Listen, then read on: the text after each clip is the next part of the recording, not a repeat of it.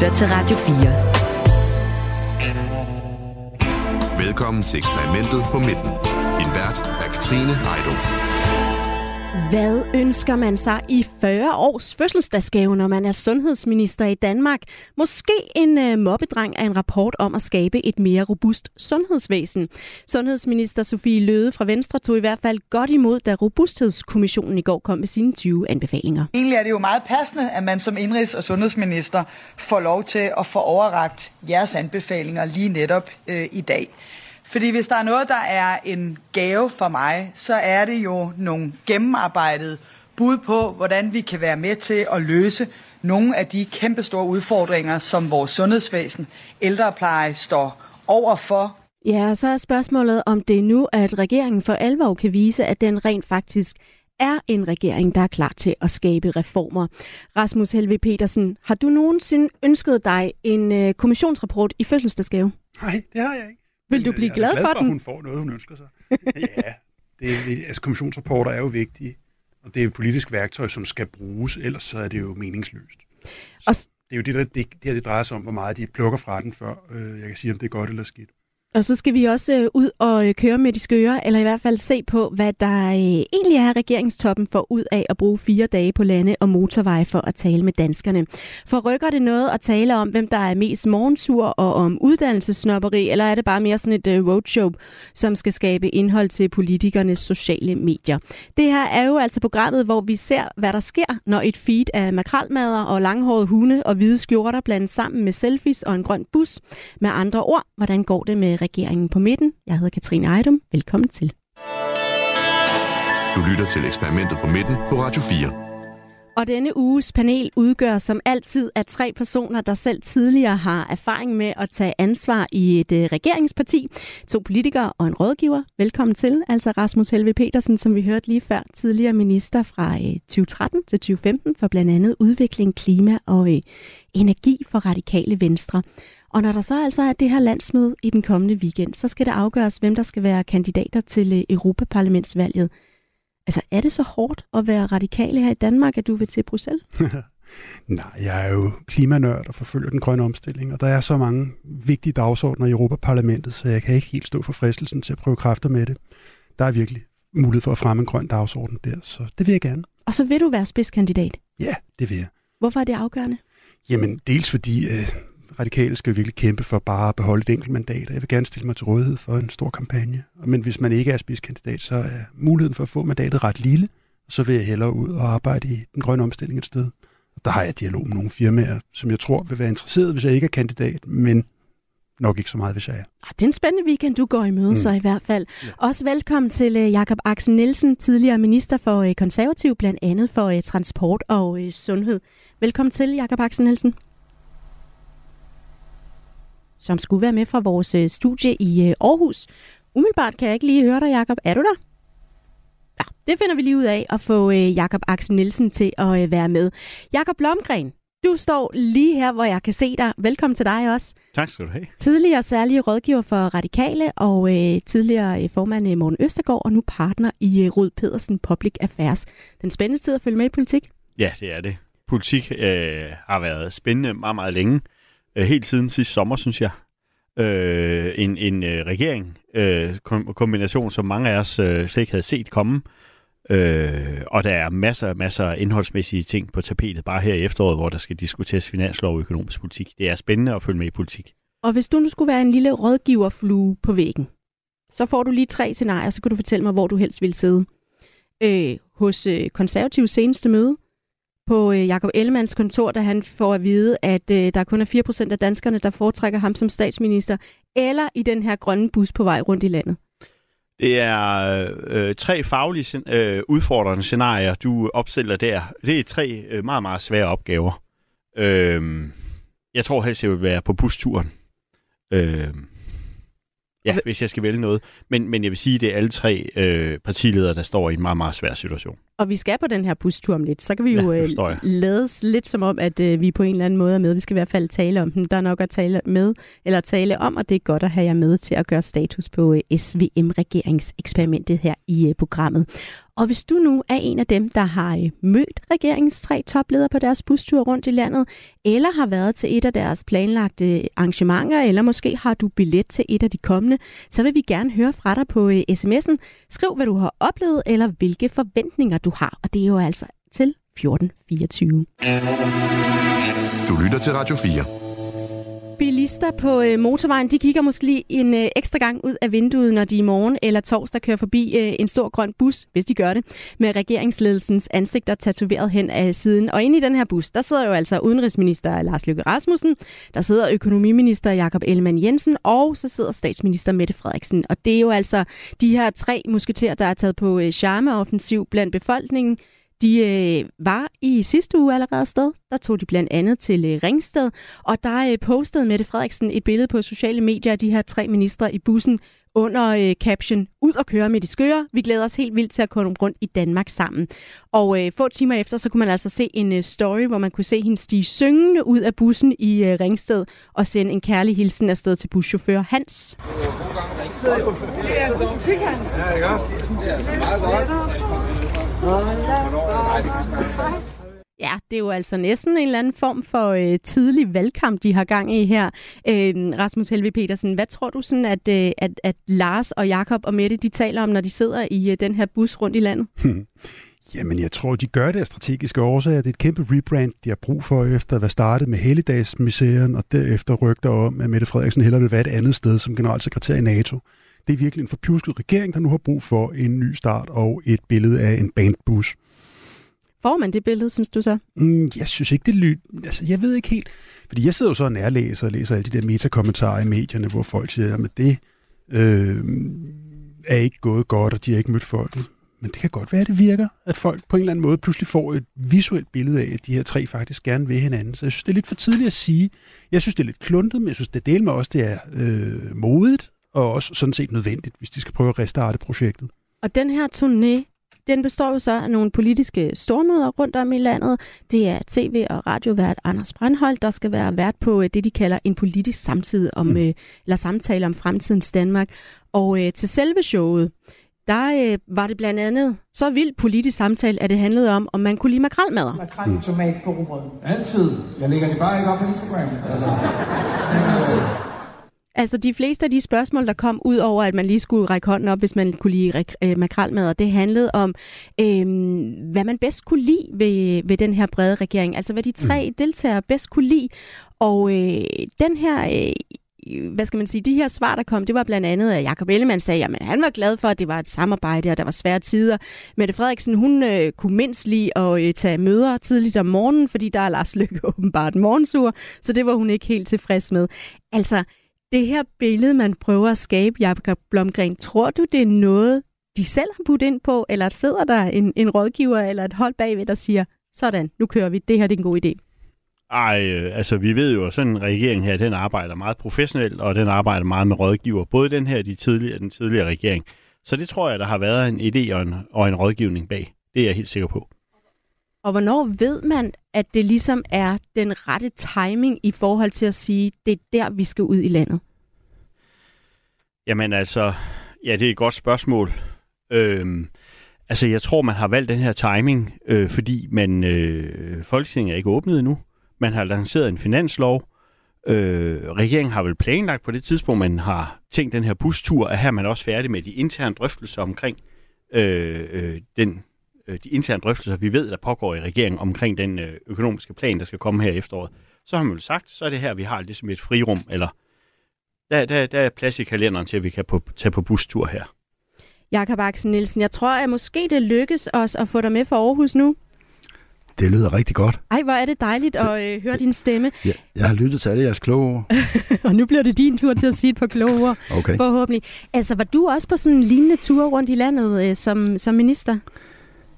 Øh, ja, det var jeg. Det var jeg både alene øh, i forbindelse med, at jeg skulle lukke en masse sygehuse. Det var folk jo meget sure over i forbindelse med, at vi ville lave de her supersygehuse. Og så skulle der lukkes nogle mindre. Der var jeg rundt i hele landet og havde sågar politibeskyttelse nogle steder.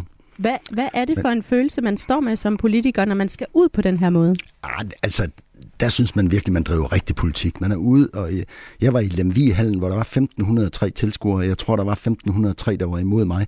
Og det vil sige, så kan man jo lige så godt bare sige, hvad man vil, og komme ud over rampen. Så det er også lidt sjovt at flytte holdninger, når du sådan er, har ryggen mod muren. Rasmus så... Øh, Helve Petersen, er det rigtig politik, når man er ude på den her måde, synes du? Jamen altså det, Jacob Axel beskriver, er rigtig politik. Men jeg synes ikke, at den her tur øh, er rigtig politik i den forstand. Det er mere et markedsføringsgimmick, sådan som jeg ser det. Hvad savner det, du ved den? Må jeg, må jeg ikke byde ind her? Fordi jo, det, er faktisk, det er jo faktisk meget enig med Rasmus i. Øh, og, men de kunne jo starte med at tage en anden vært, der ikke er inviteret til at gøre det til pop. Øh, fordi jeg synes, ideen med, at man tager en regering, der i de sidste, øh, med sine parter de sidste øh, 50 år har bekriget hinanden og har opfundet forskellige ståsteder langt fra hinanden. De har forskellige ståsteder, men nu er hele deres raison d'etre, det er at vise, at de er handekraftige, og at de kan sammen, og de er glade sammen, og at øh, hele deres raison d'etre, det er at holde fløjene ude og så lave noget politik. Og det er det, de gerne vil overbevise befolkningen om, at de kan, og at det er en klog regering, selvom den har nogle, hvis vi kigger på den gamle røde blok øh, tankegang, så har de nogle nogle ting, befolkningen ikke helt forstår.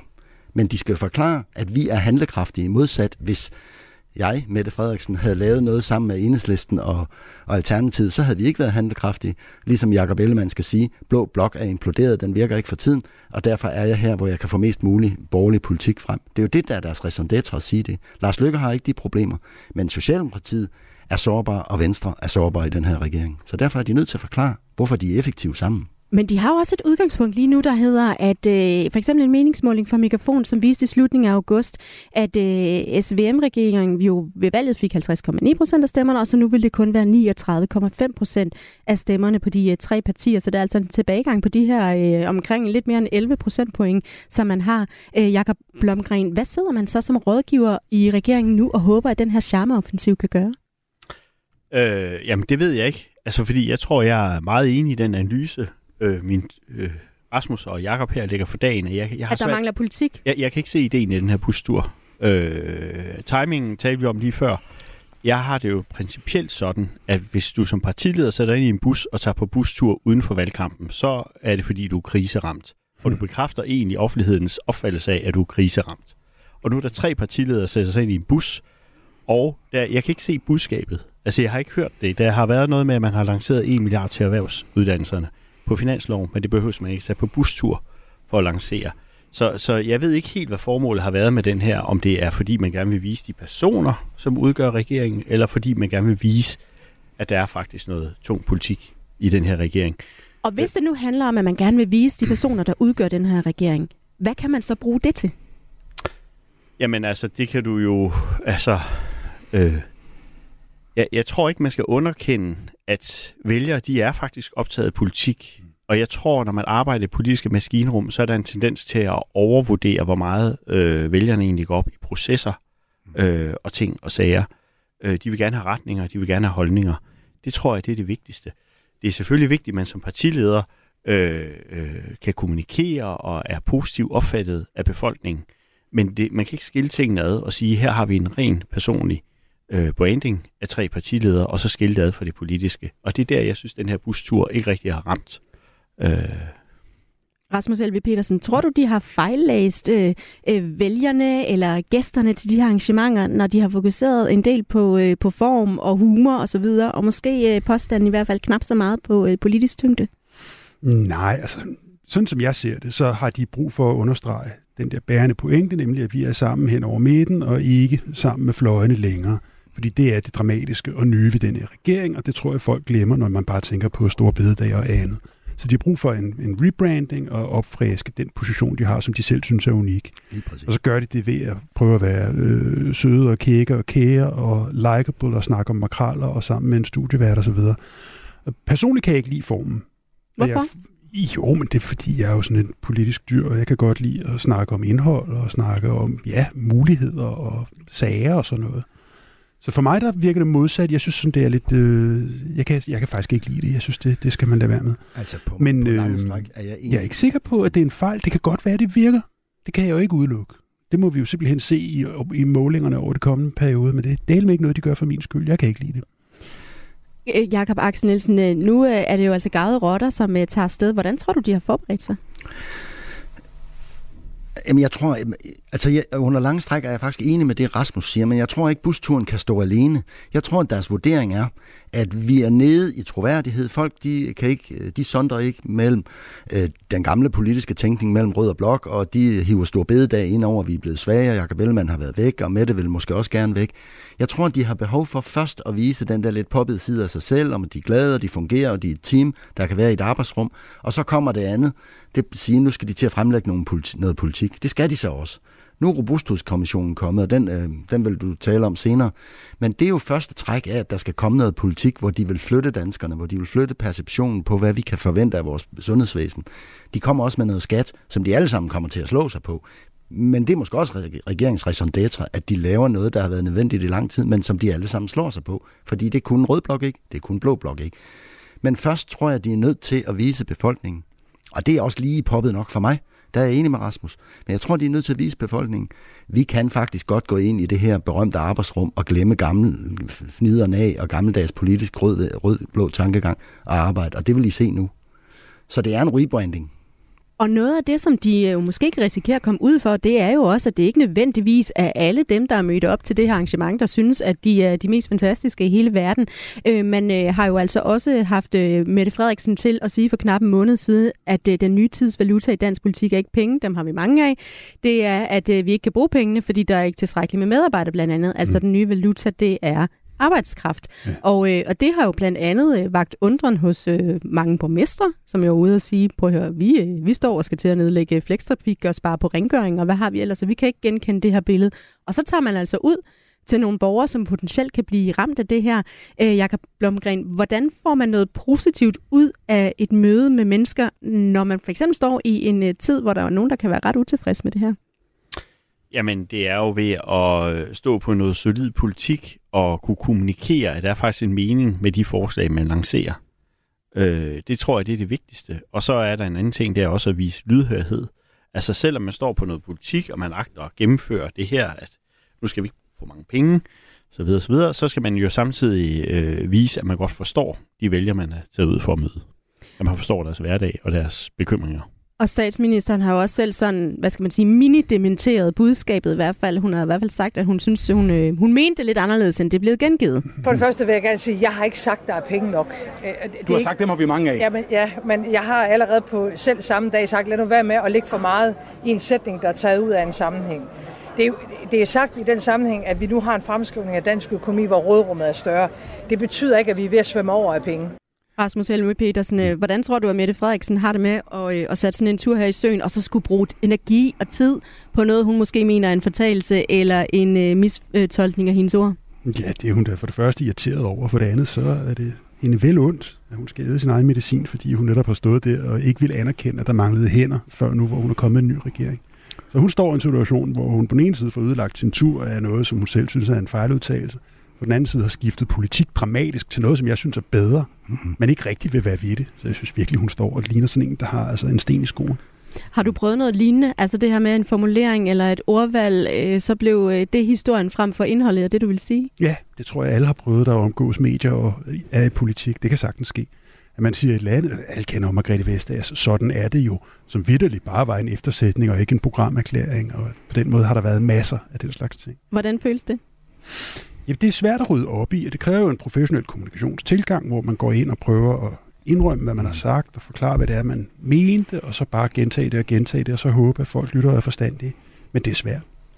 Men jeg, jeg tror egentlig ikke, det var en fortalelse fra Mette Frederiksens side, fordi problemet for hende, det er, altså udover det er livsfarligt for en socialdemokrat at sige, det er, at borgmesterne ude i kommunerne, uanset om de er venstre eller, eller socialdemokrater, har jo også ret i, at de mangler penge nu i deres budgetlægning. Mm. Men Mette Frederiksen har også ret når det er sådan, hun siger, den nye hårde valuta, og det vi virkelig kommer til at mangle for at få velfærdssamfundet til at hænge sammen, det er arbejdskraft, både i den private og den offentlige sektor. Så det har hun også ret i, at vi kommer til at tale om nogle af de ting, som hver fløj i sin tid ikke kunne tale om, fordi der altid var nogen ude på de yderste fløje, der ikke ville se en eneste indvandrer fra noget andet land. Præcis. Okay. Og, og øh, det er rigtigt, hun æder sine gamle ord, og jeg synes, det er bemærkelsesværdigt at se, nu hvor, hvor K også er i en form for krise, at Socialdemokrater, der altid har bygget ovenpå og ovenpå og ovenpå på velfærdsstaten, de indtager nu en retorik, hvor de laver det, der hedder forandring for at bevare det eksisterende. Så de bygger altså ikke på. Og det er jo det, konservative altid har sagt. Det er det, Socialdemokraterne siger nu. Vi forandrer for at bevare det, vi har. Jakob Axel Nielsen, der er to dage tilbage af den her tur, de øh, er ude på. Det er øh, i, øh, i morgen, og så i overmorgen, at de skal videre. Nu kan det godt være, at det ikke lige var hverken din eller Rasmus' kop te, den her måde at gøre det på. Men, men kan de gøre noget sådan her ved de kommende arrangementer, for at det rent faktisk giver mening for, øh, for regeringssamarbejdet? Jamen, prøv at få Clement Kærsgaard i stedet for øh, Breinholt til at være vært, så det kommer til at handle om politik, også selvom de hver især synes, han er drønhammerne irriterende og afbrydende så får han det der til at handle om politik og ikke om makralmad. Hvad øh, har rådgiveren nede sådan i værktøjskassen, der skal sørge for, at øh, sådan noget her bliver en øh, succes, Jakob Blomgren? Altså når man nu har sat sig i, i saksen, var lige ved at sige. Jamen altså, øh, øh, jeg, jeg tror, altså hvis det var mig, så ville jeg jo rådgive om at tale meget mere politik. Og der er jeg helt enig i analysen af, at Anders Breinholt er nok ikke den rigtige moderator. Det skal være en, der kan løbe med på ideen om, at nu skal formatet være at tale politik og politisk indhold. Mm. Øh, den her regering er ude i en, i en mission, hvor den øh, søger en genstart af sin egen fortælling. Altså, den er jo skiftet, siden den etablerede sig sidste efterår. Og nu ved vi jo, altså, om rådrummet er fremskrevet, hvor meget det er fremskrevet med. Under alle omstændigheder, så ved vi jo nu, at udfordre nogle andre for samfundet, end dem man troede sidste år med økonomi og vækst og alt muligt andet. Øh, og derfor så har den brug for en anden legitimitet. Og det tror jeg, jeg vil adressere meget mere direkte, hvis jeg var øh, de tre partiledere, og hvis jeg skulle rådgive dem. Ja. Det er på mange måder befrielsens øjeblik. Vi er nået til det faste element her i øh, programmet, som vi kalder for øh, befrielsens øjeblik. Jeg har jo bedt jer alle tre om at kigge godt efter og pege på øh, det eller den, der i den forgangne uge sådan for alvor har, har gjort, at regeringsprojektet på midten sådan er gået op i en højere enhed. Og det kan være hvad som helst, en person eller et udsagn eller en begivenhed eller noget, I synes her. Jakob Blomgren, du får lov at lægge for. Hvad har været dit befrielsens øjeblik i den forgangne uge? Jamen, øh, jeg synes faktisk, at det var i går, da der kom nye, eller var det i forgårs, der kom nye inflationstal, der viser, at vi har de, den laveste inflation i to år. Det må være en befrielse øh, for den her regering, fordi som jeg var inde på lige før, så, så søger den jo øh, en legitimitet, og nu kan den jo sige, at vi gør ret i at holde igen med pengene. Vi kan ikke bare puse ud, fordi inflationen den skal falde, og det vi har satset på i den økonomiske politik, det virker rent faktisk. Når jeg synes, det er vigtigt, og, og den her, en flertalsregering som den her særlig, øh, har gavn af det, så er det fordi, at den rummer jo stort set, altså langt det meste af det kommunale landskab. Lang, øh, langt de fleste borgmestre er socialdemokrater eller venstrefolk. Og, øh, og nu øh, står de to partier sammen i regeringen og siger, at vi har en økonomisk politik, og nu kan vi endda påvise, at den virker. Så vi kan ikke hælde flere penge ud i samfundet. Det må være en befrielse for regeringen, tænker jeg. Hvordan kan de bruge det fremadrettet så? Jamen, jeg tror, at øh, de kan jo sige, at vores mål har været at få nedbragt inflation, som også har udhulet øh, folks lønninger. Øh, folk har, har oplevet, at varerne hen i supermarkedet bliver dyrere, men nu kan vi se, at nu falder inflationen, og det er så godt, og det er godt for den enkelte. Og det er en højere prioritet, end at sende flere penge ud til kommunerne. Altså vi ved jo, at regeringen er under stort pres for stort set alle kommuner og regioner om at sende flere penge afsted. Men nu har den ligesom et eller andet at stå på. Nu begynder deres økonomisk politik at virke. Så man kan sige, se selv, vi har gjort det rigtige. Ja. Ja. Jakob Axel Nielsen, hvad har været befriende for dig? Jamen det er faktisk øh, skat, fordi skat har været er et kæmpe, kæmpe instrument i den økonomiske politik, og det har været tabuiseret i Danmark siden, øh, ja, siden 2007, øh, hvor man ikke har kunnet tale om det. Det har ligget i værktøjskassen uudnyttet hen, og nu, nu tør man ud fra en finansiel økonomisk betragtning tale om skat, som noget af det, Mette Frederiksen er inde på, nemlig at den hårde valuta er mangel på arbejdskraft. De, de sætter hinanden de holder fløjene skak ved, at øh, de mødes på midten og taler om det, og, og i stedet for at gøre det til ideologi. Så for første gang i, jeg vil sige 20 år, kan vi snakke om det på en savlig, ordentlig måde.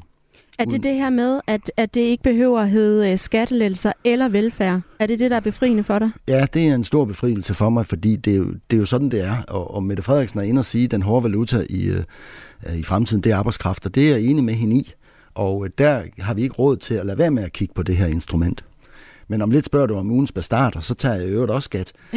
så, så gemmer vi den der, så ja, tager vi den til men, den tid. Men jeg mener, det er en befrielse, at, at vi kan tale frit og savligt om så stort et instrument, for det har vi simpelthen behov for, for at få arbejdskraft. Men når jeg øh, hører dig sige skat, så tænker jeg altså også på den her efterhånden sådan lidt øh, offentlige øh, drillerifight, der har været mellem øh, Liberal Alliance og Venstre i den her kontekst. Altså Liberal ja. Alliance, der siger, at øh, vi skal ikke bede om at være med i en skatteaftale, Nej. hvor det handler om øh, top-top-skat, og Venstre, der siger, øh, begynder at lave sjove videoer med mm. øh, skatteordfører Janne Jørgensen, yeah. der øh, kalder efter øh, Alex Vernopslag, som øh, efter sine skulle være kravlet op i et træ her. Mm. Øh, er, er det øh, positivt for regeringen, når der kommer sådan en offentlig fight omkring det her?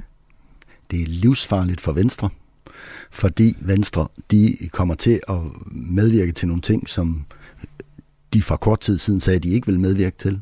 Til gengæld er det jo regeringsretondætre, der siger, at nu smider vi alt muligt ideologi tilbage, vi slår os på de grene, vi, falder, vi rammer på vej ned ad træet, for vi er kravlet højt op i træet i Venstre. Men så gør vi det, der går lidt den rigtige vej. Og det er livsfarligt for Socialdemokraterne at indrømme, at øh, skat og arbejdsudbud hænger sammen, og at de må forlade den sætning, de lavede ved valget i 2007, nemlig skat eller velfærd.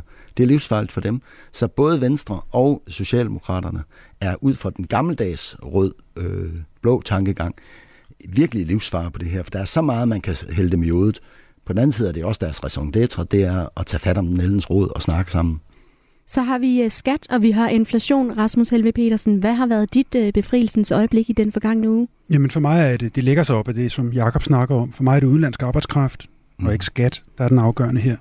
At når der både i Robusthedskommissionen og hos Mette Frederiksen kommer en klar erkendelse af, at det her det er en økonomisk virkelighed, vi skal forholde os til, at vi bliver nødt til at have udenlandsk arbejdskraft ind på arbejdsmarkedet, mm. så er det for mig et, et bevis på, at denne regering kan noget, som hverken regeringen til venstre eller til højre har kunnet, og det er simpelthen øh, lykkedes nu fuldstændig at marginalisere Dansk Folkeparti og Nyborgerlige og Inger Støjberg og hvad de hedder. At det er ikke længere et dogme i dansk politik, at man aldrig nogensinde må snakke om udenlandsk arbejdskraft. Så det begynder jo i virkeligheden lidt hos Lars Løkke, der øh, siger, at vi skal kigge på at få udenlandsk arbejdskraft øh, til Danmark, og så øh, går Dansk Erhverv videre med den og siger, at vi, vi mangler så så mange mennesker. Ja. Men det her med, at man så eliminerer fløjene, hvis det er det, jeg hører dig sige. Det er sige, det, jeg siger ja på ja. dette issue. Og hvordan, øh, hvordan tror du, det kommer til at, øh, at komme til udtryk sådan fremadrettet? Jamen altså, som sagt, så er jeg politiknørd, og jeg håber, at det kan det betyde... det er jo vi, derfor, vi er her. Ja, ja. Jeg håber, det betyder, at vi kan begynde at løse de rigtige problemer, vi har på vores arbejdsmarked ved at få noget mere udenlandsk arbejdskraft. Både til sundhedsvæsenet og øh, til det private arbejdsmarked, der skriger efter det. Så altså, jeg tror, at det her er, som min gamle far sagde efter 50 år i politik, når noget ikke kan gå mere, så holder det op. Og det her, håbløse dogme, der lå i hovedet hos DF og hos Socialdemokraterne og hos Venstre, om at det her må vi ikke snakke om, selvom det er nødvendigt. Det er nu holdt op. Det er for mig en stor, stor lettelse.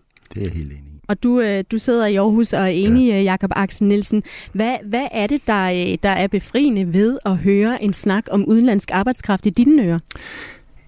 Jeg tror, Rasmus og jeg, vi har siddet i hver sit parti på hver sin side af den blå midte og været ekstremt ærgerlige over, at de ting, som vi vidste, og som vi også vidste, at man vidste ind i Venstre, og som man vidste ind i Socialdemokratiet. Vi, vi, øh, vi taler jo også sammen med hinanden nede på Folketingets gulv, mm. øh, når vi ikke står på talerstolen, som vi vidste, at de kendte. Så alting er gået op i timing, og øh, gamle Nielses ord er nu rigtigt. Timingen var til, at det her med, at vi ikke kunne tale om de her ting, der var nødvendige, øh, det var, det var nu. Altså lad mig bare lige sige som et godt eksempel, for mange, mange år siden, der havde vi også den forkædrede efterløn, og den var blevet forkædret, fordi Nyrup i 1998 brød et efterlønsløfte. Det gjorde, at vi i 15 år ikke talte efterløn. Men når jeg øh, var på Folketingets talerstol omkring efterløn, så havde jeg 125 mandater imod mig. Når jeg kom ned, så var det de samme 125 mandater, der sagde, Jacob, vi er jo enige, men det er bare ikke lige nu.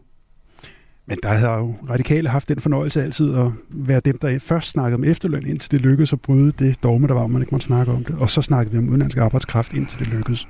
Så stillheden, den har eksisteret i de store regeringspartier, men øh, vi har hele tiden kendt sandheden. Jamen, så er vi da spændt på at høre, hvad I skal tale om næste gang, inden mm. vi alle sammen kommer til at gøre om det.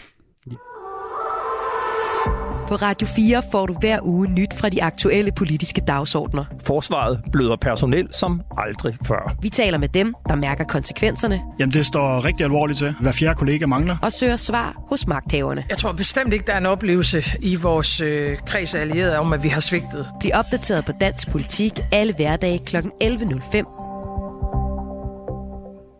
det er en ordentlig mobbedreng af en øh, rapport, som øh, Søren Brostrøm står med i hænderne, da han i går formiddag præsenterer konklusionerne fra Robusthedskommissionen, som det så fint hedder. Jeg er faktisk rigtig stolt af, at vi her i dag kan præsentere så omfattende et arbejde med 20 meget stærke anbefalinger, men til grund for det ligger også et ret stort analysearbejde, hvor vi har beskrevet med både data og en ret solid vidensgennemgang, sådan at vi kan stå på mål for de anbefalinger. Selvom øh, titlen Robusthedskommissionens anbefalinger måske ikke er den mest opsigtsvækkende formulering, så er der tale om øh, ingredienser i den mulige reformering af sundhedsvæsenet, som SVM-regeringen ønsker sig. Kommissionen har øh, siden maj sidste år undersøgt, hvordan kan man gøre sundhedssektoren mere robust, og så kommer de altså med de her 20 anbefalinger. Det er blandt andet noget med, at flere skal op i tid.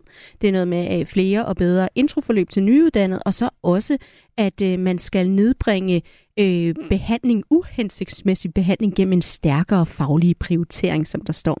Og i spidsen for den her kommission, der står altså øh, Søren Brostrøm, God gamle Søren Brostrøm, det var lige før man hævde sådan et mundbed op af lommen, da man så ham øh, være på et pressemøde, men han er jo altså til daglig seniorrådgiver for Verdenssundhedsorganisationen WHO, og øh, så har han altså øh, nu været med i den her kommission, siddet i spidsen for den, sammen med øh, otte ekspertmedlemmer og otte medlemmer, der repræsenterer arbejdsmarkedets øh, parter. Når man får sådan en øh, kommissionsrapport her i hænderne, Rasmus Helve Petersen, sidder regeringsledelsen så, tror du, og, og klapper i hænderne over dens arbejde? Nej, for det er jo en vanvittig kompleks rapport, de har fået mellem hænderne, som kræver noget handling, som man får skæld ud for, når man udfører det, og som man først ser resultater af langt senere. Så på den måde er det utrolig svært at få sådan en rapport. Den fornøjelse at nedsætte en kommission, men det er svært bagefter at skulle føre det ud i livet. Så men... nej, jeg tror virkelig, at de sidder der og klør sig i håret over, hvordan de nu skal håndtere den her bold. Men man kan sige, at øh, sundhedssektoren er jo et af de helt store sådan, øh, prestigeprojekter, eller i mm. hvert fald noget sådan, at DNA'en for den her SVM-regering. Og samtidig så er det jo altså også en regering, som har sagt, prøv at høre, det vi kan og det vi skal, det er at lave store reformer, også nogle, som er upopulære. Ja. Så må det da være en øh, gave, Jakob Blomgren, at kunne sige, jamen Brostrøm sagde det, så nu gør vi det. Ja, altså det tænker jeg også. Jeg er enig i det, Rasmus siger. Øh, det har vi set mange gange. Men øh, altså, jeg synes, den her regering, du sagde, den havde sundhed som DNA, det er jeg helt enig i. Den har også nedsat en, en uh, sundhedsstrukturkommission, som vist nok skal komme til foråret næste år. Uh, den har så et kæmpe brød op. Altså man må give den, den har virkelig besluttet sig for at tage fat på det her sundhedsområde. I stedet for at lappe det med en uh, pose penge uh, op i toppen af den, så vil den ned og have fat i rødderne. Jeg synes, det er modigt at, at, at have en kommission, der går ud og både forholder sig til arbejdsgiver- og arbejdstagerrollen, rollen hvad skal sygeplejerskerne gøre om? Hvad skal arbejdsgiverne gøre om? Og jeg er helt enig i, at jeg tror, det bliver vigtigt for regeringen at skubbe foran sig. Også når den kommer med sin øh, sundhedsstrukturkommission, hvor den jo blandt andet skal tage stilling til, hvor mange sygehus skal vi have, hvad med regionerne, hvordan skal hele området styres. Øh, det er nyttigt for den, at den har folk siddende, som, øh, som går forrest og problemformulerer. Men når man slår et stort brød op, så skal man jo altså også være klar til virkelig at ælde igennem. Er man det her? Jamen, altså, det må vi jo antage, at øh, da regeringen øh, blev skabt, og de forhandlede regeringsgrundlaget, der tror jeg simpelthen, at der må de have aftalt, at vi, vi, vi satser stort på sundhed, og vi satser på de øh, reelle løsninger, og vi tør reformere alle sider af sundhedssystemet. Det, sådan virker det lidt på mig, at det er det, man har aftalt. Altså, øhm, ja. altså vi er faktisk inde ved kernen af Mette Frederiksens udsagn om, at den hårde valuta, det er arbejdskraft. Fordi vi har jo øh, vi har jo faktisk penge nok, og hvis man kunne løse sundhedsvæsenets eksisterende problemer, og de er der virkelig, med penge, så havde man gjort det. Og derfor er det her et nødvendigt arbejde for at få øh, de ressourcer, som vi... Øh, arbejdskraftressourcer, som vi kan tilvejebringe, få dem til at række langt nok. Men må jeg lige minde om, at vi har jo før modtaget øh, kommissioner. Det er rigtigt, hvad Rasmus siger, de er nemmere nedsat, de er meget svære at modtage. Og en meget stor kommission, som Torben M. Andersen stod for i, for mange år siden, der blev afleveret til Fogh, hed Velfærdskommissionen. I pressen blev, det, blev den arkiveret lodret, fordi man misforstod Fogh. Men mange af de forslag, der var i den, den var fra 2008, tror jeg, mm. eller 7, ja. de er i dag implementeret.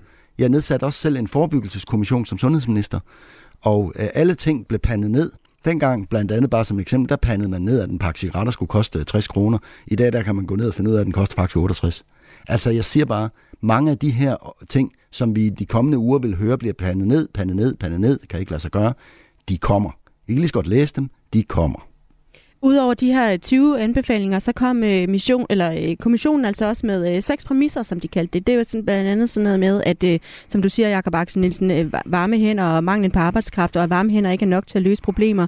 Og så også, at øh, vi også har et ansvar som borgere selv. Altså, vi skal drikke øh, lidt mindre, vi skal spise noget sundere, mm. sådan, så vi ikke på sigt øh, belaster vores øh, sundhedsvæsen.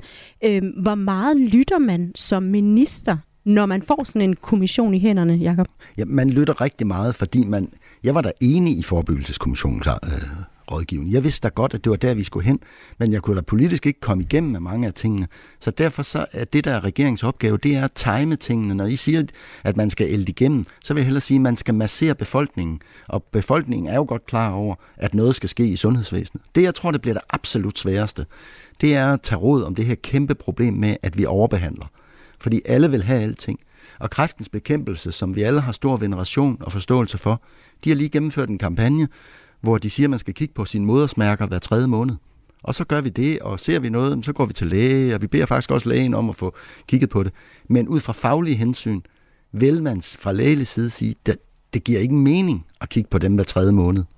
Men befolkningen er jo ikke autoritetstro mere, så de efterspørger noget, som nemt bliver behandling af de raske.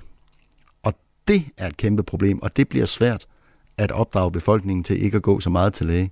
Når du så har fået den der forebyggelseskommissionsrapport, ja. og, øh, og godt ved, at øh, prøv at høre, det er ikke alt sammen, der kommer til at blive gennemført nu. Noget af det skal ligge og simre lidt, og så kommer det måske ud i, øh, i fremtiden. Øhm, hvordan griber man det så an? Altså, hvordan vælger man ud, hvad kan, det, hvad kan lade sig gøre nu, og hvad, kan, hvad skal syltes lidt? Det er rigtig svært, fordi du kommer til at stå som politisk fjodet hoved, der ikke er særlig øh, ambitiøs, og, og forebyggelseskommissionens medlemmer er også de første til at gå ud og sige, at de havde nok håbet på, da de øh, blev nedsat af en ambitiøs minister, han også var ambitiøs, da han modtog den og sådan noget, så du kommer meget hurtigt i baghånd. Så man, øh, man er, som minister er man hurtigt i baghånd, fordi man ikke sådan lige har et politisk flertal, for at hæve cigaretpriserne. Man ikke lige har et politisk flertal for dit og datten og alt muligt. Man står, øh, så, så man skal man skal stå og væve lidt og sige, at det her det kommer på over en overrække, og det er jo det, der er tilfældet. Men det er svært. Man skal ikke pande det for meget ned, men man skal heller ikke øh, gøre politisk selvmord. Jeg tror, det er den balance, man står i.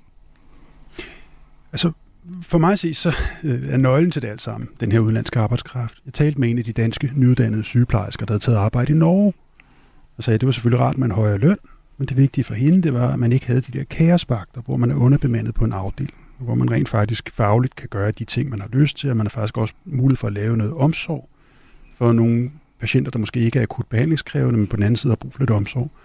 Og den der bemanding på stuen og fraværet af kaosdøgn gav så meget mere professionel tilfredsstillelse, at det var det, der var grunden til at flytte til Norge. Det jeg prøver at sige er, at du løser ikke opfattelsen af et kaotisk sundhedsvæsen med medarbejderflugt, før du får nogle flere hænder derind, som penge kan betale for, men uden hænderne, så går det simpelthen ikke. Så derfor så, øh, så mener jeg selvfølgelig, at det er der, de bliver nødt til at tage håndfast fat, hvorimod så noget forebyggelse, som man først ser resultatet af 20 år senere, det vil ikke være lige så akut, tror jeg, for dem. Så det er der, de skal starte, når de sidder med de der 20 anbefalinger, fordi det er jo noget af det at kigge på, øh, på hvad hedder det, medarbejderbyrden. Jeg tror simpelthen ikke, at du kan få noget af det andet til at falde på plads, hvis ikke du sørger for, at der er hænder nok til det her, til at undgå de der kaosvagter. Men i øvrigt er det også parodisk, at det er ikke mange uger siden, at Mette Frederiksen ikke ville blande sig i, om folk spiste for meget oksekød, fordi det var hun sørger ikke ansat til som minister. Så hun vil gerne blande sig i, om folk spiser makrel, men hun vil ikke blande sig i, om de spiser oksekød, og nu skal hun så tage stilling til, om hun vil blande sig i, at folk ryger og drikker. Det bliver sjovt at se. Og hvor meget de går på arbejde i virkeligheden ja. også. Vi så uh, sundhedsminister Sofie Løde skrible løs ned på forreste række, inden hun uh, officielt blev inviteret op for at få overragt uh, rapporten af Søren Brostrøm, i øvrigt altså på sin uh, 40-års fødselsdag. Altså har hun ikke læst den her rapport på forhånd, Jakob Blomgren? Jo, det har hun. Og hendes embedsmænd har også fulgt det her arbejde løbende. Så hun har selvfølgelig orienteret sig på forhånd, og har også haft mulighed for at afstemme, hvad hun, hvordan hun skal reagere på det her. Øh, og hun har endda haft mulighed, ved at gætte på, at drøfte det her med, med regeringstoppen, så man er afstemt. Ja, for hun var jo så også ret hurtigt tilbage efter at gå ud og love, at den her rapport ikke bare kommer til at, at ligge på en hylde, og ligesom ja. blive sådan, nå ja, det var der nogen, der lavede, det må vi jo så se, om vi kan overgå og kigge på på et tidspunkt. Altså, hvad afgør så, om der rent faktisk kommer noget konkret politik ud af det? Jamen, øh, det tror jeg, flere ting gør, blandt andet det parlamentariske. Og her kan vi sige, at her er regeringen jo så velsignet ved at have et flertal. Altså, når den går i drøftelse med de andre partier, øh, det sker vel garanteret først uformelt, og så sker det lidt mere formelt, jamen så har den jo et flertal på forhånd, og det kan være med til at trække de andre partier ind og sige, så må vi hellere sørge for at få lidt den indflydelse, vi kan få på det her. Jeg, jeg ved ikke helt, hvordan processen er tilrettelagt, og man også vil afvente Sundhedsstrukturkommissionen, som jo virkelig er, af det store livtag med, med måden, vi organiserer vores sundhedsvæsen på. Men, øh, men som jeg sagde før, så tror jeg, at den her regering har besluttet sig for, at øh, den vil virkelig have rettet op på alle på, på, på de fejl og de, øh, de dårligdomme, der er i sundhedsvæsenet, og den, øh, og, og den fokuserer på, på borgernes opfattelse af sundhedsvæsenet først og fremmest. Og derfor så tror jeg, at der kommer, der kommer skrevet det her, og vi vil se øh, forhandlinger og ægte politik på det her. Men, men det er jo et arbejde, der rækker langt ud over den her valgperiode, selvom den er lang endnu. Og der er det bare, jeg tror, at øh, regeringen, også som mindretalsregering, vil kunne komme igennem med det her. Fordi skulle SF vælte den på det? Skulle konservative vælte den? Skulle Liberale Alliance vælte ja. den, selvom den er mindretal? Det tror jeg faktisk ikke. Men er det her også, altså regeringen har gjort meget ud af at sige, at selvom vi har flertal, så vil vi egentlig gerne have øh, flere med i en øh, aftale. Jakob Blomgren, er det her et af de områder, hvor man kan sige, der er man måske villig til bare at bruge sit eget flertal for sig selv, og så ikke øh, være så opmærksom på, at man får flere med? Ja, i princippet måske, men, men jeg tror, mange af os har vel den her opfattelse af, at den her regering har besluttet sig for, for en sikkerheds skyld, at opføre sig som om den er mindretalsregering. Det gælder måske ikke lige finansloven. Men ellers så i alle de andre større politiske sager, der vil gerne have andre partier med. Vi skal huske, jeg er jo helt enig i det, Jakob siger, det her det rækker jo langt. Det rækker faktisk længere end næste valgkamp. Vi kan jo risikere i næste valgkamp, der er man i gang med at ændre på sundhedssystemet, og vælgerne har stadigvæk ikke rigtig set, hvad det er for forbedringer, de får ud af det. Det er også en risiko, den her regering løber. Og måden at håndtere en risiko på, det er selvfølgelig ved at lave øh, så brede politiske flertal som overhovedet muligt. Blandt øh, de her øh, præmisser, som øh, kommissionen nævner, der er også den her med, at vi ikke øh, alle skal have samme muligheder i øh, sundhedsvæsenet. Lad os lige høre øh, Brustrøm. Vi er simpelthen nødt til at have et højere ambitionsniveau for, at vi ikke alle sammen skal have det samme. Vi ikke alle sammen skal se specialisten. Vi peger blandt andet på differentiering. De ressourcestærke, som ikke har behov, kan få hjælp til selvhjælp, så kan vi frigøre ressourcer til nogle andre.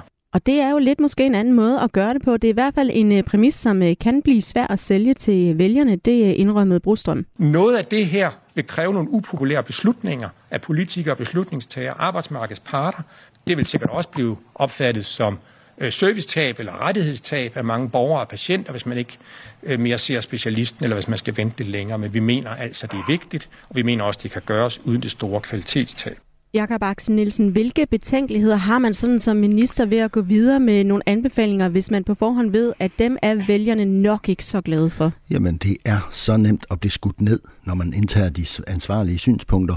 De politikere, der ikke gør sig drømmer om at være regeringsbærende, de vil sige, at det er arvesøl, der nu smides ud over kanten. Fordi det regeringen dybest set skal, det er, at den er nødt til kollektivt at reducere borgernes forventninger til det, hvad sundhedsvæsenet kan.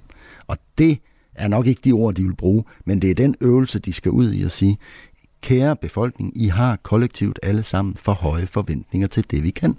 Og det bliver svært at kommunikere som ansvarlig politiker, hvis der står nogen og, ja, nu vil jeg ikke sige det i radioen, tisser i redden og, og, øhm, og går imod det. Det, det. det er jo politisk selvmord, fordi befolkningen, de vil jo altid helst have lavkage, øh, og så kommer der nogen, der siger, det kan vi ikke servere. Øh, og I skal reducere jeres forventninger. Det er meget, meget svært, og derfor er de jo ude på en timing, og det er også det, de bruger robusthedskommissionen til. Det er at lade nogen, der faktisk ved noget om systemet, gå forrest. Og de har også behov for, at lægeforeningen går ud og siger, at det her det er klogt.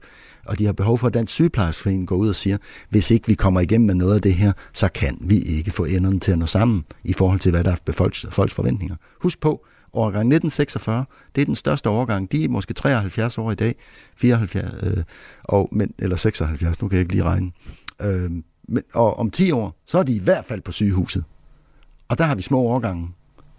Så vi skal, have, vi skal gøre ting på en anden måde, eller også så skal vi have noget indvandring, eller begge dele. Rasmus L.V. Petersen, kan regeringen godt holde til at gøre sig øh, upopulær øh, både hos vælgerne, men måske også hos nogle øh, faggrupper i øh, sundhedssektoren, som bliver bedt om at arbejde mere og på andre tider af døgnet, end de er vant til? Jamen altså, hvis den ved dagens ende vil være rigtig handlekraftig og stand til at ændre nogle af de her komplekse vanvidsproblemer, såsom et dårligt fungerende sundhedsvæsen, så bliver den nødt til at tage fat ved altså Nellens råd og gøre nogle ting, der er upopulære.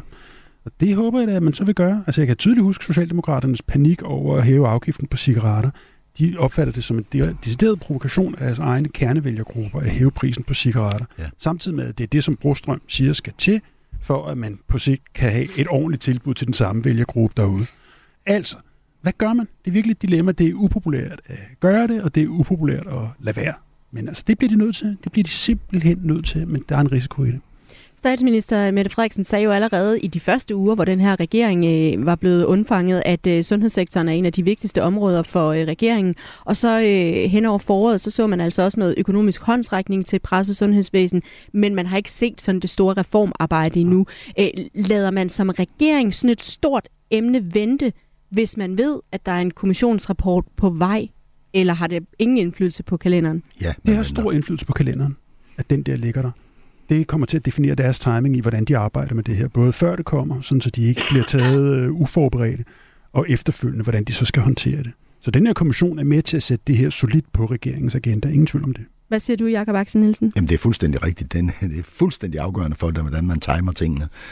Og man har også lavet alle mulige pressemeddelelser. Man har kontaktet pressen for, hvordan kommer man ud med den historie og den historie og den historie. Man vil jo slice det øh, på den gode måde, man vil have de gode historier frem, men man vil jo først og fremmest massere befolkningen hen til at forstå, hvorfor noget upopulært er nødvendigt.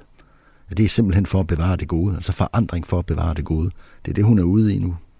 Og man kan jo altså også nogle gange høre øh, øh diskussioner om, hvorvidt kommissioner bliver brugt til at sparke en irriterende sag til hjørne, sådan så man lige har noget længere tid. Er det også et, øh, et, øh, hvad skal man sige, redskab nogle gange, Jakob Blomgren? Ja, det er det, men jeg er også enig i Jakobs analyse før, at, at øh, jeg kan godt huske dengang, man lavede arbejdsmarkedskommissioner i 2008, efter at der havde været overvis reformtørke. Der var også en skattekommission i 2010, mm. så vidt jeg husker. Mm. Altså, øh, hvis forslag også stort set er gennemført i dag. Øh, jeg er enig i, at kommissioner har det med at afføde så mange idéer og pege på så mange problemer, at de før eller siden bliver til noget, øh, ligesom vand løber nedad. Øh, men det er rigtigt. Øh, kommissioner har jo været brugt til sådan en, en nu, nu stopper vi lige her, og nu skal jeg som minister ikke længere diskutere den sag her, for jeg har nedsat en kommission. Men, men, øh, men en kommission er jo et stort, stort instrument. Man kan også nedsætte ekspertudvalg, eller man kan nedsætte arbejdsgrupper.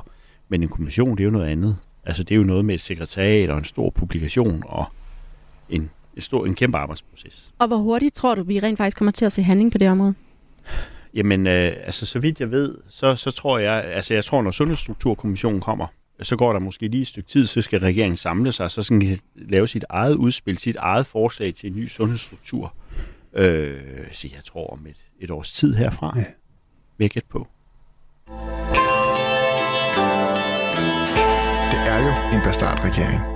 Ja, når man blander to, eller i det her tilfælde tre ting, der ikke sådan umiddelbart passer sammen, så kan det jo resultere i en bastard. Det er i hvert fald det, som uh, enhedslistens Pelle Dragsted har kaldt uh, øh, SVM-regeringen, og det, som vi har brugt til at navngive den her runde, vi skal ud i nu, hvor vi altså kigger på en, uh, en ting, en begivenhed, en udtalelse, en person eller noget helt andet, hvor det er faldet knap så uheldigt ud for det her regeringssamarbejde hen over midten. Jakob Axel Nielsen, vil du ikke have lov at begynde ugens bastard for dig? Hvad har det været? Jo, men jeg har valgt at tage fat i skat igen, fordi, og der tager jeg så de gammeldags røde på blå briller på, fordi så har Venstre, de har inviteret til deres egen øh, ulykke i forhold til, at øh, valgkampe aldrig glemmer, og pressen aldrig glemmer, og de kan finde alle mulige øh, slogans om, at man ikke vil være med til at indføre en millionærskat. Det er så det, vi får. Øh, Venstre vil kunne sige, ja, det gør vi, men det er fordi, nu har vi aftabuiseret skat, som vi talte om tidligere, og så får vi en masse godt, og vi får lidt tæsk her. Socialdemokraterne, de har også gået ind og, og indrømmer nu, at øh, skatter og arbejdsudbud hænger sammen, og det er et instrument, vi er nødt til at pille i. Nu øh, den hårde valuta i landet, det er blevet arbejdskraft. Men der findes jo masser af socialdemokrater, der siger, at skatter og arbejdsudbud overhovedet ikke hænger sammen, og at øh, øh, det er et valg mellem, om vi vil have velfærd i det her land, eller om vi vil have skattelettelser. Og den øh, negative øh, eller forkerte præmis, den går nu væk, og den kan man selvfølgelig stikke op i snotten på en masse socialdemokrater, og det vil Venstrefløjen gøre, og sige, hvor er I blevet af? Har I, øh, er I blevet højrefløjs socialdemokrater alle sammen? Har korridoren ikke levet forgæves? Altså, de kan komme med alle mulige grimme ting, som gør ondt på en socialdemokrat. Så på den måde er det hele deres raison d'etre, at de holder fløjene ud og gennemfører ja, nødvendighedens politik. Det er heller ikke et ord, de kan lide, men øh, man kan også finde en masse ting, som umiddelbart på den korte bane gør dem utroværdige. Så derfor er det lidt en bastard ud fra en gammeldags rød blå tankegang. Rasmus Helve Petersen, mm. med dine briller, hvad har så været bastarden i den her uge? Jamen, vi er jo stadigvæk ude i bandbussen ja. med de tre øh, bandmedlemmer udenpå, som kommer øh, få dage efter, at Mette Frederiksen er på solotur i Kiev, uden øve til udenrigsminister, i hvert fald i spotlightet. Og det vil sige, uanset hvor meget de ønsker at brande sig som et trækløver og som en træenighed, noget der hænger sammen, så er der en højt profileret socialdemokratisk statsminister, som jo hele tiden kommer til at skygge for de to andre og få muligheden for at se det her som et samarbejde. Og det bærer simpelthen på længere sigt kimen til regeringens endeligt, tror jeg. Er det en ulempe for de to herrer, altså Jakob Ellemann og, øh, og øh, Lars Lykke, eller er det en øh, ulempe for hele regeringssamarbejdet, at Mette Frederiksen i din optik er så profileret? For hele regeringssamarbejdet. Muligheden for at få det her rebrandet, så det ikke længere er en S-mindretalsregering, som det var i sidste periode, men noget helt nyt og uset. Når du har den samme og højt profilerede statsminister i front for projektet, så er det altså svært inde i hovedet at lave den kalibrering. Og det er en udfordring, ikke mindst for Lykke og Ellemann, som de bliver nødt til at adressere ved så at lave solorit og soloprofilering, som igen skader regeringssamarbejdet. Men vil en, øh, vil en statsminister ikke altid være profileret, også selvom det er en øh, topartis regering eller noget andet? Jo, jo, men her har vi så en statsminister, der prøver at brande sig med en bandbus, hvor de er tre ligestillede. Det kommer ikke til at lykkes. Selvom hun bare er forsangeren? Selvom hun er forsangeren. Jakob Lomgren, hvad har været øh, din øh, ugens bastard? Jamen altså, det jeg mener er problematisk for regeringen, det er den her CO2-afgift på landbruget. Øh, og det er den øh, nye ting, der er dukket op, hvor øh, Peter Gemmelke, tidligere formand for Landbrugsrådet, som det vist nok hed i gamle dage, øh, medlem af Venstres forretningsudvalg, han går ud og tager en ny diskussion og siger, nej, det er vigtigt, hvor afgiften bliver lagt. Venstre skal kæmpe for, at den bliver lagt hos forbrugerne og ikke i selve landbruget. Og når jeg synes, det her det, det udgør et stort problem for regeringen, så er det fordi, jeg, jeg tror, den har lagt mange kræfter og meget energi i at sige, de tre partier, der bærer regeringen, er alle sammen enige i, at vi skal have den her CO2-afgift. Der kommer et ekspertudvalg senere i år. Og, øh, og det er vigtigt, fordi ellers så får vi ikke løst, øh, så får vi ikke indfriet klimamålsætningerne. Og man har nået til den enighed, øh, og alle står på mål. Vend Jacob Ellemann har været ude og stå og været lojal øh, over for, at der kommer en CO2-afgift, og opfordrer landbruget til at gå konstruktivt ind i det. Og så pludselig åbner der sig en ny diskussion inden i spørgsmålet om CO2-afgift. Nemlig, skal den ligge hos forbrugerne, eller skal den ligge i landbruget? Og det er en splid, man vil, der vil dukke op hos regeringen. Mette Frederiksen har jo talt for, at hun synes ikke, man skal lægge den hos forbrugeren på grund af en enlig mor til tre børn. Og omvendt så ved vi jo, hvor vigtigt det er for Venstres bagland at det ikke er dem, der skal betale den her afgift. Mm. Og som du siger, så er det jo noget, der skal kigges på i, øh, i den kommende tid, eller i hvert fald i løbet af efteråret, når der også ja. kommer den her øh, udmelding fra øh, eksperterne. Men er det ikke også forventeligt, at det er noget, der kan blive rigtig sprængfarligt for regeringen? Jo, altså selvfølgelig, og det tror jeg også, men jeg tror, at den har forsøgt at tage højde for, og så pludselig springer den her diskussion ind, og mm. den kommer endda i Venstres eget bagland. Det tror jeg er giftigt for Venstre. Jeg tror, timing er giftig, og, og jeg tror, det er som om, den skal løbe efter den her CO2 diskussion i øh, CO2-afgift i landbruget, den skal Venstre ligesom løbe efter. Så det er fuldstændig rigtigt. Men, men, øh, men det er et problem, at, at diskussionen hele tiden flytter sig på den her afgift. Og det er Venstre. Radio 4. Ikke så forudsigeligt. Og vi nærmer os altså afslutningen på dagens udgave af eksperimentet på midten, men uh, før vi uh, slutter, så skal vi altså nå en ting mere, fordi uh, I skal jo også lige pege på uh, det parti, der uh, har klaret sig bedst i forhold til at få mest ud af regeringssamarbejdet. Vi kører sådan en, øh, en øh, score i løbet af et, øh, et politisk år i forhold til, hvor man ligger henne. Jakob Blomgren, hvem synes du har fået mest ud af regeringssamarbejdet i den her uge? Jamen, jeg tror, jeg vil pege, den her gang vil jeg pege på, jeg vil pege på Socialdemokraterne. Mette har været i Kiev. Øh, det er noget, der slår igennem i medierne. Det er det, en statsminister kan. Og så har vi også en finansminister, der kan se på tilfredshed med inflationsudviklingen. Jakob øh, Axel Nielsen, hvem synes du øh, skal have en, øh, en bold i nettet her i forhold til at klare sig bedst i ugens løb? Jamen, det synes jeg, Moderaterne skal. Nu har jeg været meget enig med Rasmus i alt, hvad han har sagt i det her program, bortset fra hans valg af Bastard, fordi jeg tror i virkeligheden, at det, der er uroen i regeringen, det er, at Venstre og Socialdemokraterne synes, at Lars følger alt, alt for meget. Synes du også, han gør det? Hvis du det, sad i regeringen? Øh, ja, det vil jeg nok synes, hvis han sidder i regeringen. Men jeg synes jo, han, øh, han i scene sætter sig selv dygtigt. Og øh, man må jo også sige, at han var formand for Venstre. Han, han går på tværs af hele sit parti, skriver en bog i, i valgkampen 2019. det var jo frækt over for hele sit parti, og han var meget modig, og Han var til dels vel også illoyal over for sit parti. Men hvor er han i dag? Han har skabt et nyt parti. Han har vundet den der midte. Øh, hele Moderaternes raison d'etre er at skabe den her regering. Altså, jeg er ikke øh, enig med Lars i hans metoder og sådan noget, men altså, det er jo dygtigt gjort, det han har gjort.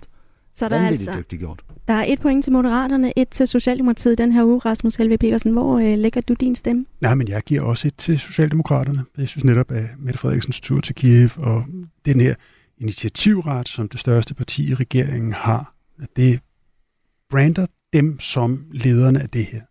Og det er en evig udfordring, både af Moderaterne og Venstre, at det bliver Socialdemokraterne, der står så dominerende i det her. Det tror jeg som sagt også er regeringens endeligt på lang sigt. Men lige nu synes jeg ikke, der er nogen tvivl om, at det er en socialdemokratisk regering med moderat og venstre deltagelse. Så øh, den her uge, det blev altså en øh, 2-1 til øh, Socialdemokratiet. Tak fordi I var med, Jakob Blomgren, Jakob Axel Nielsen, Rasmus Helve Petersen. Der er meget mere politik her på kanalen hver eneste dag mellem kl. 11 og 12. Og så kan du selvfølgelig også høre det her program og tidligere programmer som podcast. Du har lyttet til en podcast fra Radio 4. Find flere episoder i vores app, eller der, hvor du lytter til podcast. Radio 4. Ikke så forudsigelig.